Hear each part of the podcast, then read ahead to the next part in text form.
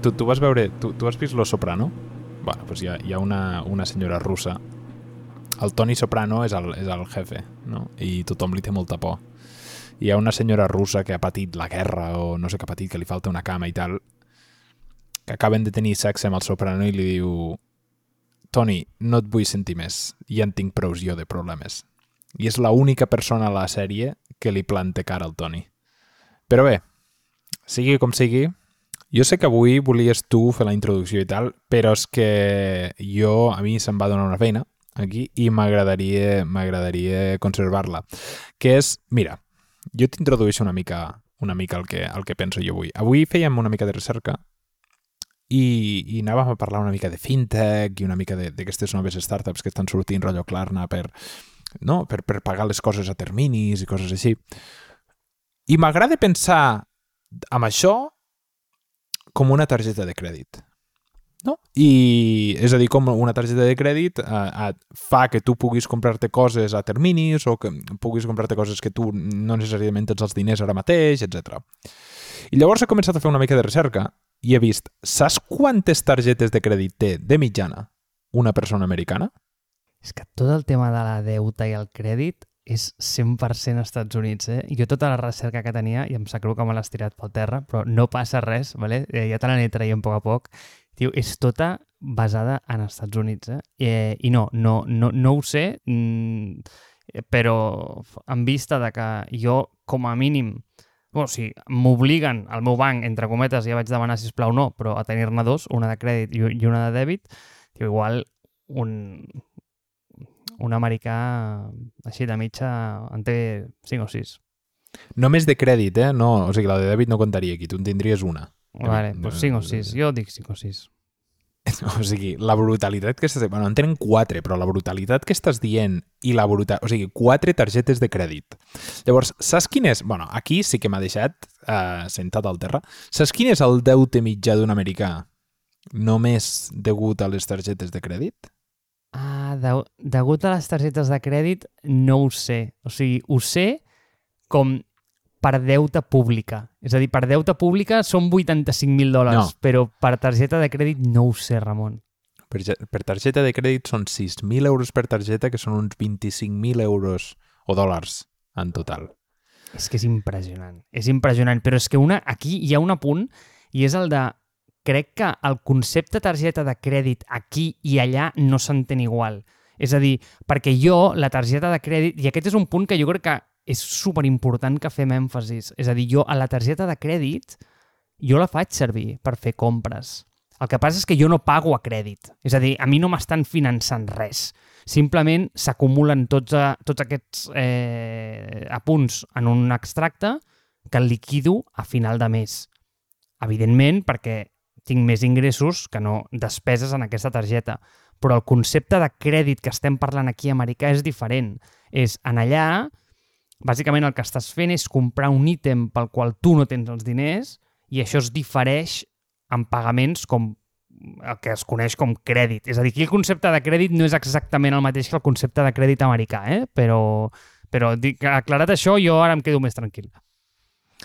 La, la última cosa, bueno, Diré una cosa aquí, però primer deixem fer aquesta pregunta. Si fiquéssim tots els millennials i els Gen Zs, Gen Zs, eh, el que ve després de millennial, dins d'un pot, i el pot aquest fos un pot d'aquests de l'IKEA que et diu les mesures del 0 al 10, quants diries que tenen una targeta de crèdit? Millennials són menys de 30 anys o així. O sigui, sub 30 anys americans, quants tenen targeta de crèdit? Uh -huh. I, i on talla per sota? Els, eh, els 16, entenc, és el mínim, no? 16, 14, tot això són els Gen Z, sí. O 12, també. Hòstia, doncs jo et diria que igual el, el 90% en tenen, eh? 6 de cada 10. 6 de cada 10 persones tenen, tenen almenys una targeta de crèdit i probablement en tinguin 3 o 4. Llavors, als Estats Units la manera que funciona és el crèdit és necessari per tot el que tu vulguis. És a dir, tu, per exemple, pagues la llum i l'aigua a més vençut. És a dir, tu gastes la llum i llavors la pagues. O tu gastes l'aigua i llavors la pagues. O tu gastes la factura del telèfon i llavors el pagues. Per tenir tu un telèfon als Estats Units necessites un bon credit score, una bona, una, bona, una bona classificació de crèdit. Necessites tenir crèdit. Tu, per tenir una hipoteca, necessites crèdit. Perquè et donin un lloguer, necessites crèdit. Per tenir qualsevol cosa que es pagui a més vençut, necessites normalment crèdit. I el crèdit és com el teu estatus social. I el crèdit s'aconsegueix, bàsicament, agafant i pagant crèdit després de gastar amb targetes de crèdit.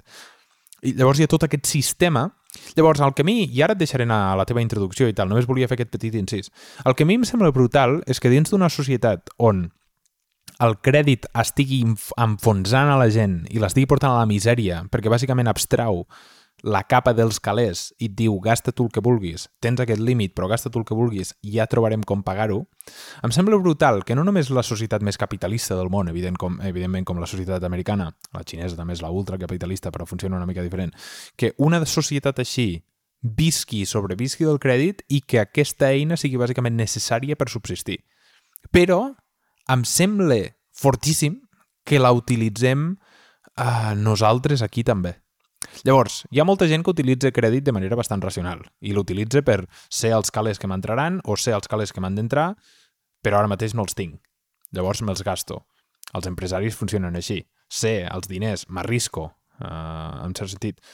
Vull crèdit per comprar un local perquè si no compro aquest local o si no llogo aquest local no podré obrir el negoci, per tant podré fer zero calés, llavors m'arrisco i faig aquest càlcul a, a llarg termini. El problema és que la gent no fa aquest càlcul.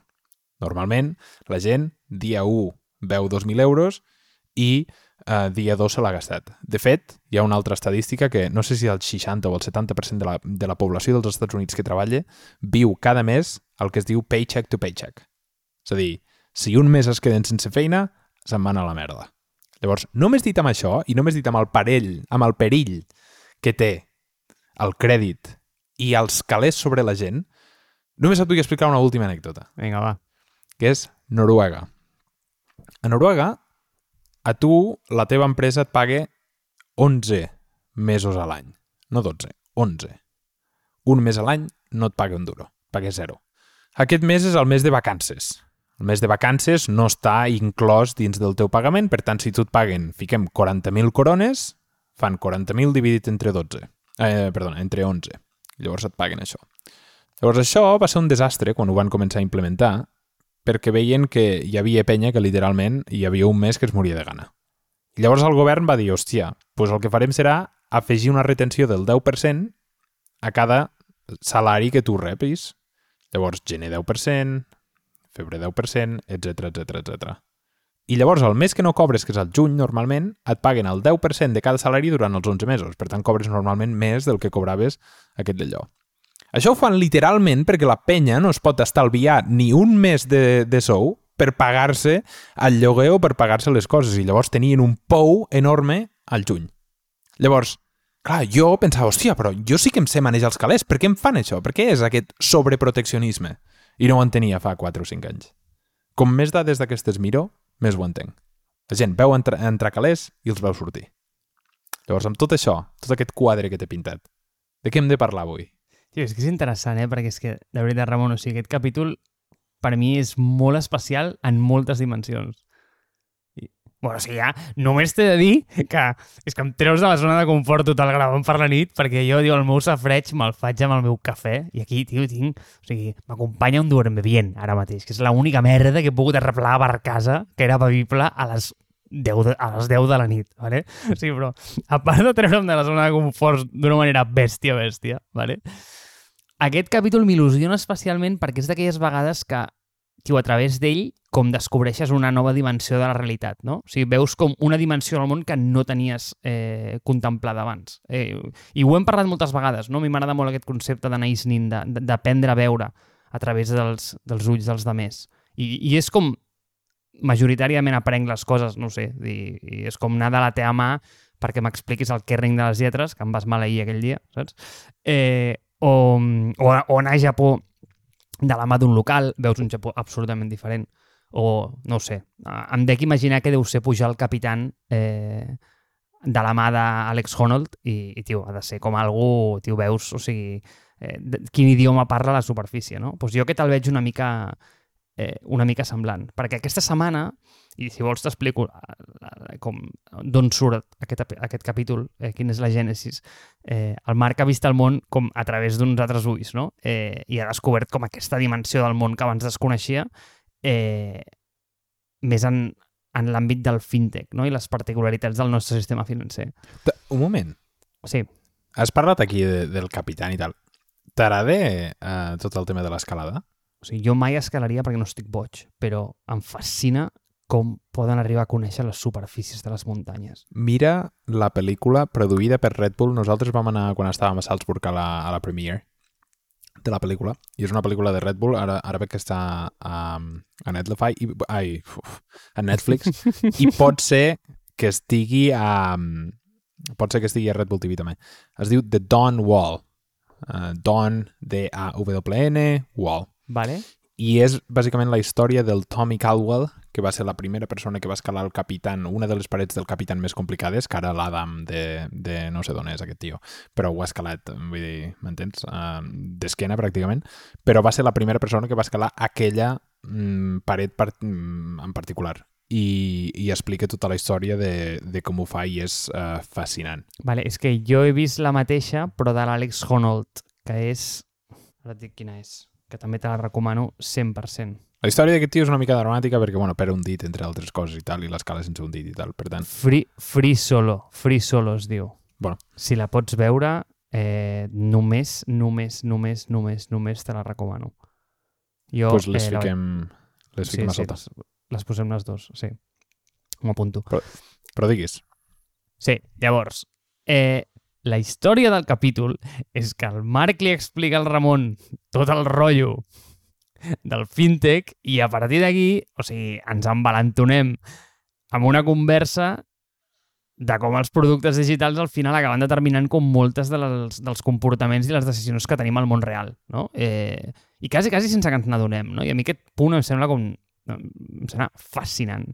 Llavors, això, portat al món del fintech, a mi m'ha portat a descobrir tota aquesta tot aquest subsector de companyies de compra ara, eh, paga un més tard, eh, que es diu Buy Now, Pay Later.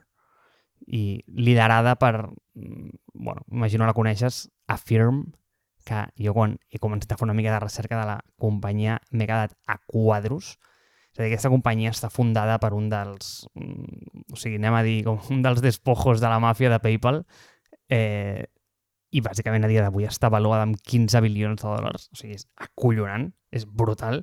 Eh, fun facts d'aquesta empresa, saps que el, el 30% del seu revenue és de Peloton només?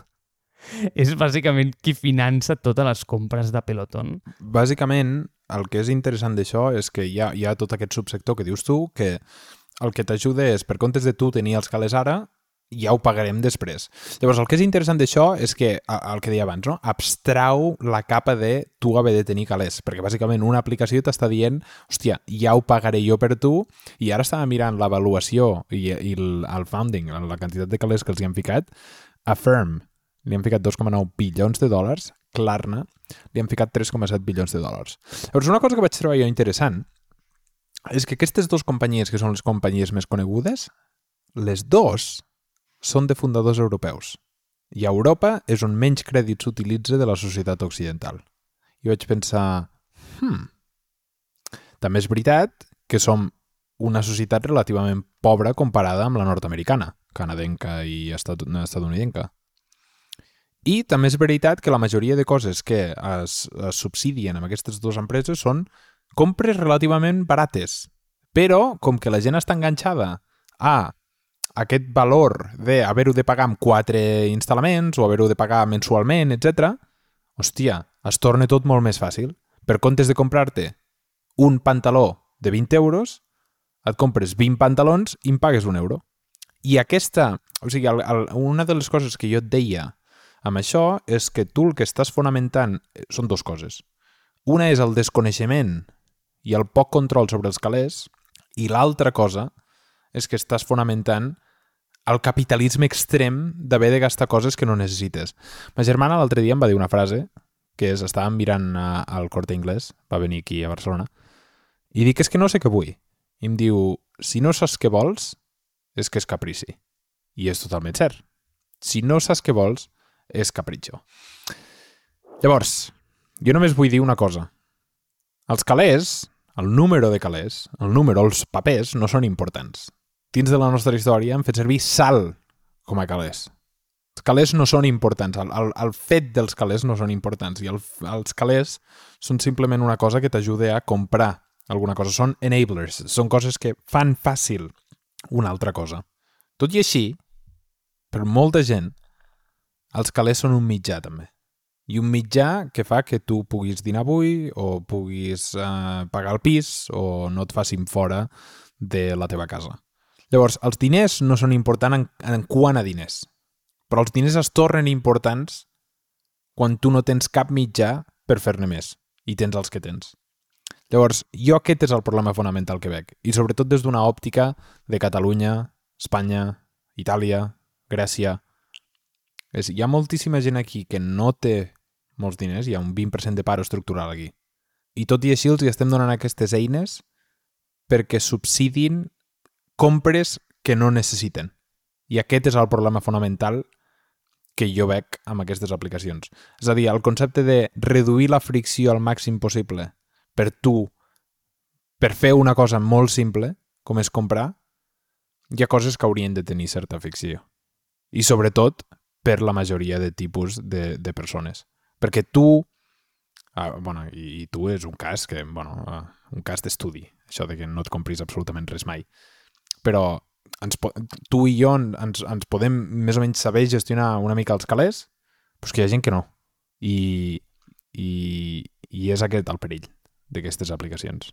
Clar, o sigui, jo vull tornar a aquest punt, val? perquè jo sóc conscient que el meu cas és super extrem i faig un esforç gran per intentar empatitzar amb el concepte i el problema, val? perquè eh, per altra banda també veig que adoptar el meu model a escala sota un context capitalista és sinònim de que literalment anem a col·lapsar el model. Vale? Llavors, no és la idea, vale? no és la idea. Eh, per tant, el que m'agradaria entendre a mi, el que m'agradaria treure d'aquesta conversa sobretot, és el de quina manera tu estructuraries un producte d'aquest tipus perquè fos com capitalisme compliant, però per altra banda estiguessis fomentant bones pràctiques. I aquí és on jo he tingut l'atenció aquests dies i no n'he sabut treure l'entrellat. Però tinc dos punts que vol volia comentar abans. El primer, me l'has tret tu ara, Diu, m'encanta que m'hagis dit la teva germana perquè aquesta és una conversa que tinc amb la meva família molt sovint. I és el de dir, quan hi ha persones que van a comprar roba, per exemple, i van en el concepte aquest de a veure què venden, i crec que això és com la recepta del fracàs, perquè a mi això és una mica el que em passa quan vaig a casa amb Matller, que, hòstia, havia anat a comprar dos tomàquets i he sortit amb dos bosses de 3 quilos cada una, ¿vale? I això em passa a vegades a casa Maller i ho admeto, ¿vale? Ho admeto, ho admeto. Però, en canvi, quan vaig a comprar com una cosa extremadament utilitària, sé perfectament què és el que vull. En el moment que jo camino dintre la botiga, vaig com amb... Eh, tinc una missió, és a dir, vaig agafar jo i me'n vaig, ja està, perquè a sobre em produeix molta ansietat el fet de, de passadissos i, i, i, i gent i, i, i molta oferta, etc, etc. Però aquest és el primer punt que volia treure de sobre. Bé?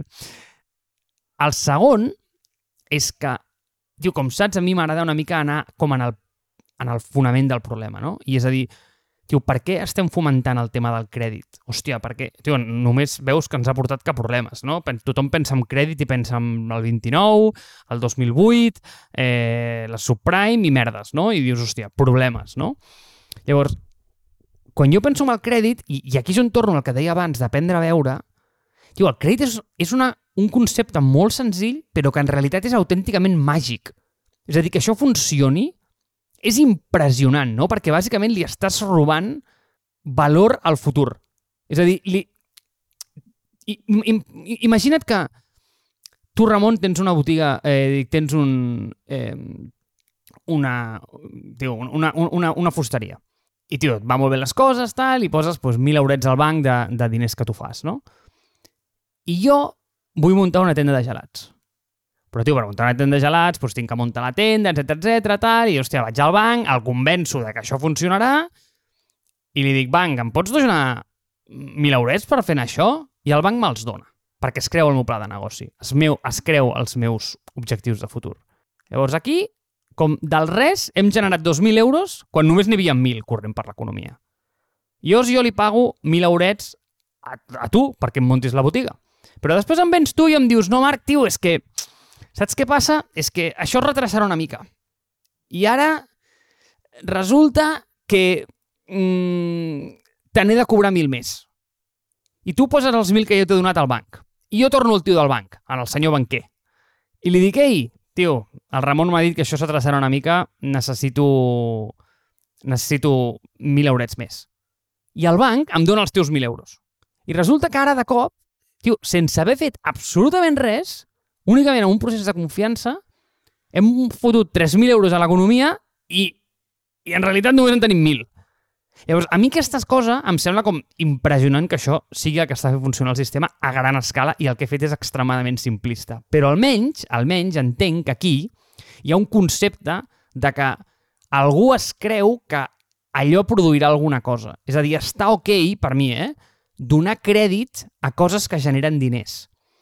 El problema per mi està quan estem començant a donar crèdit a coses que són purament mm, nice to have i capricis de la humanitat que no aporten absolutament res. Digues, digues. Jo penso que hi ha la distinció entre també una cosa que no aporta absolutament res o una cosa necessària. És a dir, per exemple, estava pensant quan seria bona idea comprar-te uns pantalons a crèdit? Hòstia, se m'acaben de rebentar els pantalons i demà no puc anar a treballar. Si no pots anar a treballar no pots, no pots fer un duro, per tant necessites aquests d'allò. Per tant, o et donen un adelanto i et, et compres uns pantalons o uh, necessites un crèdit o, o necessites una targeta de crèdit per pagar-te d'allò. És a dir, el crèdit és eh, bo en tant que tu tens un projecte de futur per tal de tornar-los i llavors saps com els tornaràs. Si no tens aquest projecte de futur i no saps com els tornaràs, llavors el, el, el crèdit, per mi, es torna una aberració del sistema, que és que li estem donant crèdit a tothom i eh, ningú sap com el tornarà aquest. I literalment, o sigui, aquesta, per això em sembla una dada tan potent aquesta, que, els, que 6 de cada 10 Gen Zs i Millennials tinguin targetes de crèdit i que la majoria de Millennials i Gen Zs estiguin al paro o no treballin a la història de la humanitat, vol dir que aquesta gent no sap com tornar als calés? Com, com, com, com els hi hem de donar targetes de crèdit a aquestes persones si no saben com poden tornar als calés? Tio, Ramon, i, i, i és que no només això, és que al final no és que no sàpiguen com tornar els calés, sinó que tens un sistema que miraculosament funciona a base d'una confiança posada amb gent que, el que tu dius, que literalment no està treballant. Llavors, a mi, això em treu la son.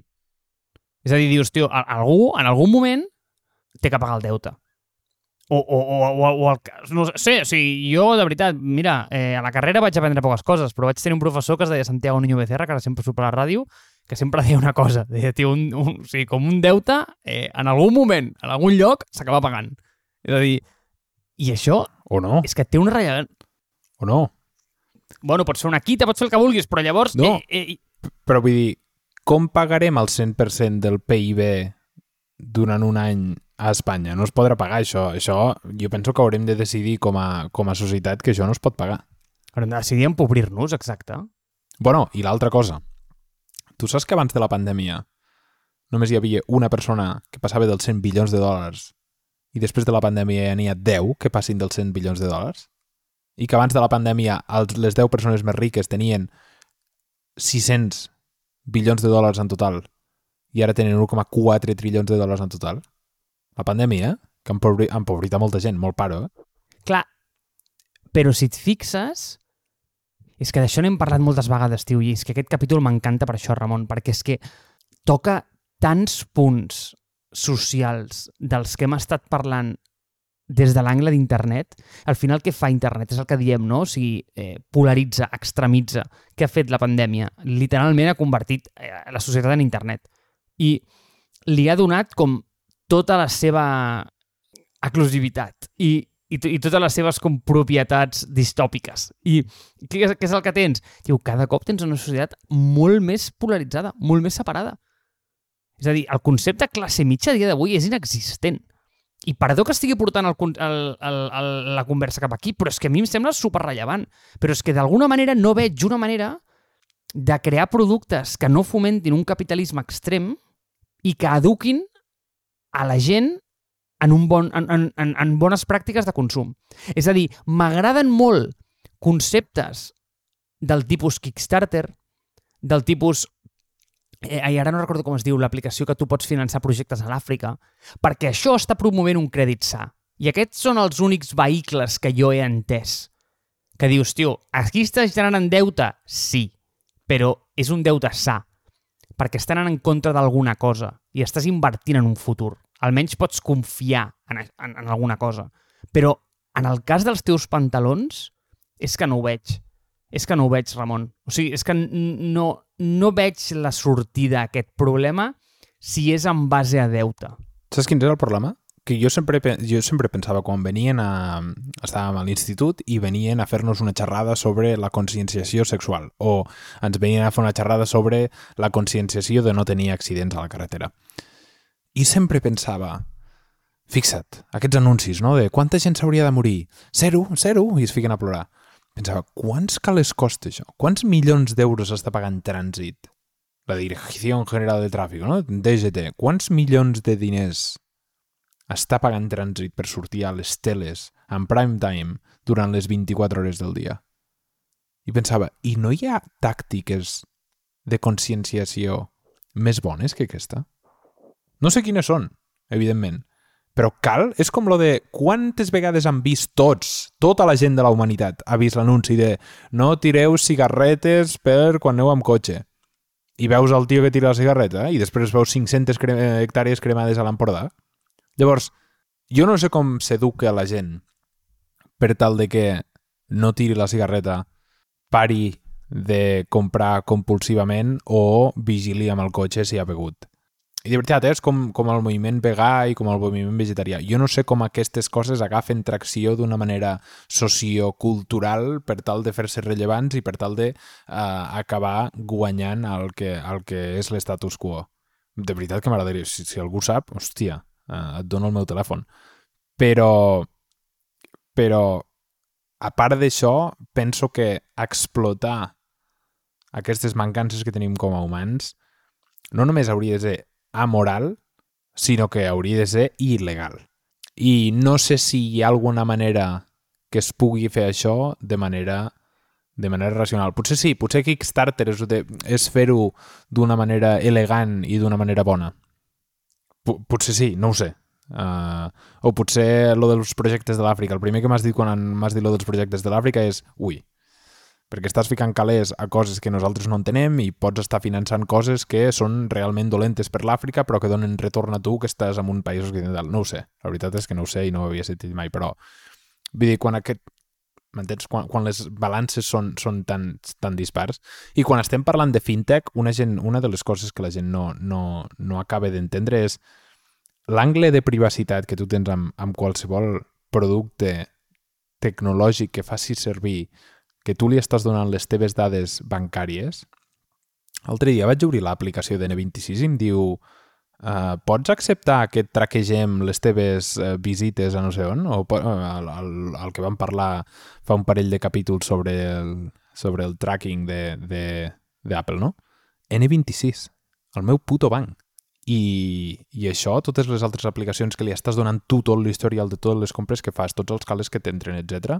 Hòstia, i que a partir d'aquí et facin perfils psicològics per tal de targetejar-te els anuncis a tu, per tal de que tu consumeixis més, i perquè al final ells no fan calés amb els, quan tu tens els, els calés allà, fan els calés quan els mous.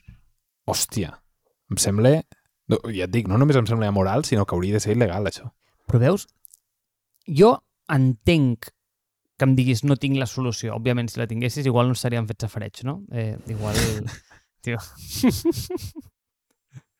igual. Eh, bueno, igual sí que, sí que ho estaríem fent, però en altres condicions. Eh, com et diria? Crec que a vegades solucions a aquests problemes no venen de la mà de l'obvi, de l'educació, sinó de canvis subtils en com funciona el sistema. I et posaré un exemple. Crec que és, és, és extremadament reconegut la mecanística per la qual un país dona o no més òrgans a la seva població, és a dir, hi ha més donants, no? Vull dir, està estudiadíssim. És a dir, quan el default d'aquella opció és ets donant per defecte menys que diguis que no, generalment el país té una taxa de donants molt més elevada. Llavors, jo estic segur que fer això té un cost negligible a nivell de premsa, a nivell social. M'agradaria veure quants diners necessites per fer campanyes per aconseguir aquest canvi en la gent.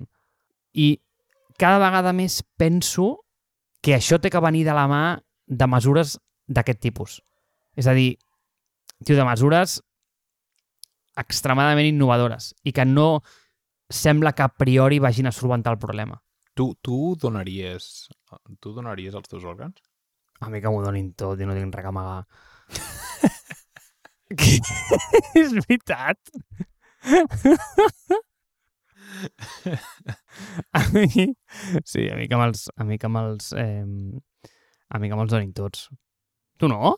No ho sé. I, i no, no, i, i m'agrada no, no, i m'agrada perquè aquesta conversa ha entrat en un plano molt formal perquè vull dir, ja ho, ho, ho anunciem que a, a les hores que estem el Ramon està sopant eh, sí, vull dir, ja, ja vull és dir. que són les 11 de la nit. No ho sé. No sé si donaria els meus òrgans. Um, Clar, però fixa't, o sigui, si el default choice és que sí, tu potser ni ho saps. no, clar, però llavors entres amb temes morals de hauries de... Jo penso que és com la de, lo de la privacitat. Hauries de preguntar a la gent i educar la gent sobre aquella tria. Llavors, per això ja jo penso que és, són les dues coses. Però donaria òrgans o no? Doncs pues no ho sé. És una cosa que he pensat mmm, alguna vegada i sempre dic, penso que no. Però clar, no ho sé. No... Depèn. No, no, el donaria mai a, no el donaria mai a una universitat. Segur que no. Ai, ja, tio, tenir com els estudiants que et punxen, com, com, com l'Arari, saps allò que, amb la caca del pal i tot? No, ja passo, ja, és veritat, sí. Sí, igual arriben... No, no crec que es puguin riure de tu. Bueno, no ho sé, és igual, però el punt és... és a dir, no, no, no, sí, sí, sí, és que és interessant, és interessant. Eh, el, el punt és...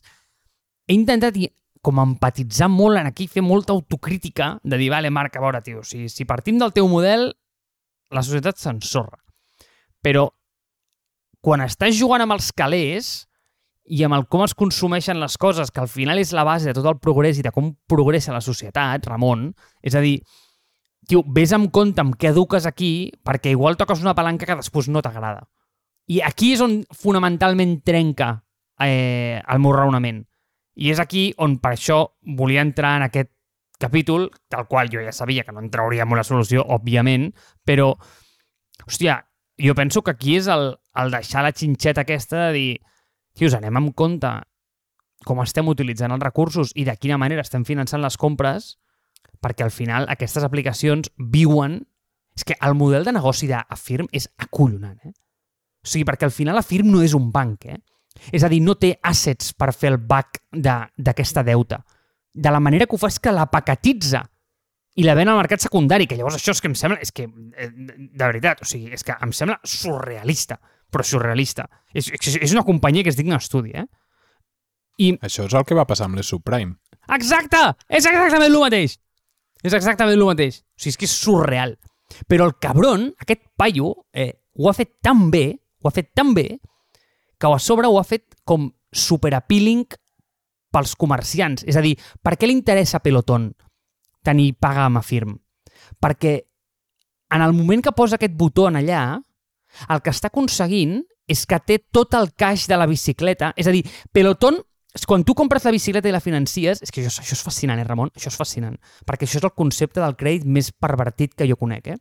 Perquè tu jugues a crèdit, però tu no pagues interès. Que aquest és el punt fascinant. Qui paga l'interès és Peloton. I el model de negoci de Firm, qui li dona els diners és Peloton a Firm. Vale? Llavors, és que, però clar, llavors dius, hòstia, què guanya Peloton? Primer, que els seus usuaris surten d'allà amb una bicicleta pagada i sense a interès zero. I el segon, que t'explota el cap, és que Peloton rep tots els diners d'una, que amb una targeta de crèdit no tindria que passar. I no té que pagar totes les transaccions de, de targeta de crèdit. I simplement ell es fa càrrec dels installments con, contra firm. És que és, és molt pervers, eh? O sigui, és molt pervers com funciona el model, però és que només perquè vegis que, tio, o sigui, hosti, estic sèrio, eh? he fet research, eh? Saps quants bilions de dòlars es va... Ja t'he dit el número, eh? Són bilions, eh? O sigui, es van finançar als Estats Units amb esquemes d'aquest tipus que són relativament nous i no hi han gaires empreses que ho ofereixin. Tio, tinc ni idea. 20 putos bilions, eh? 20? 20 putos bilions, mira, quasi. Tio, 20 putos bilions de, de dòlars. És que és animal. Ja ho has dit És bé, que sí. esquema. Això és un esquema És un mafiós. Ponzi, és un Ponzi de gay. Sí, sí, 100%, 100%. M'està ficant nerviós ja aquest tema ja. Estic enfadat, eh, Ramon? Estic enfadat. Sí, mi també, mi també, mi també, mi també, mi també, mi també. Perdó, eh, perdó, perdó, perdó. Escolta, eh, po- pose- posem l'illa 7, va, posem l'illa 7, que jo crec que ja ens hem cagat prou amb, eh, amb, el, amb el capítol avui. va, te'l puc posar jo o no? Que, que eh, era pel quiz d'avui. Saps què és un 0,27% o no? No tinc ni idea. Tio, les probabilitats de que passés el que va passar el que va passar ahir. Què va passar ahir? Ho posarem a les notes del capítol.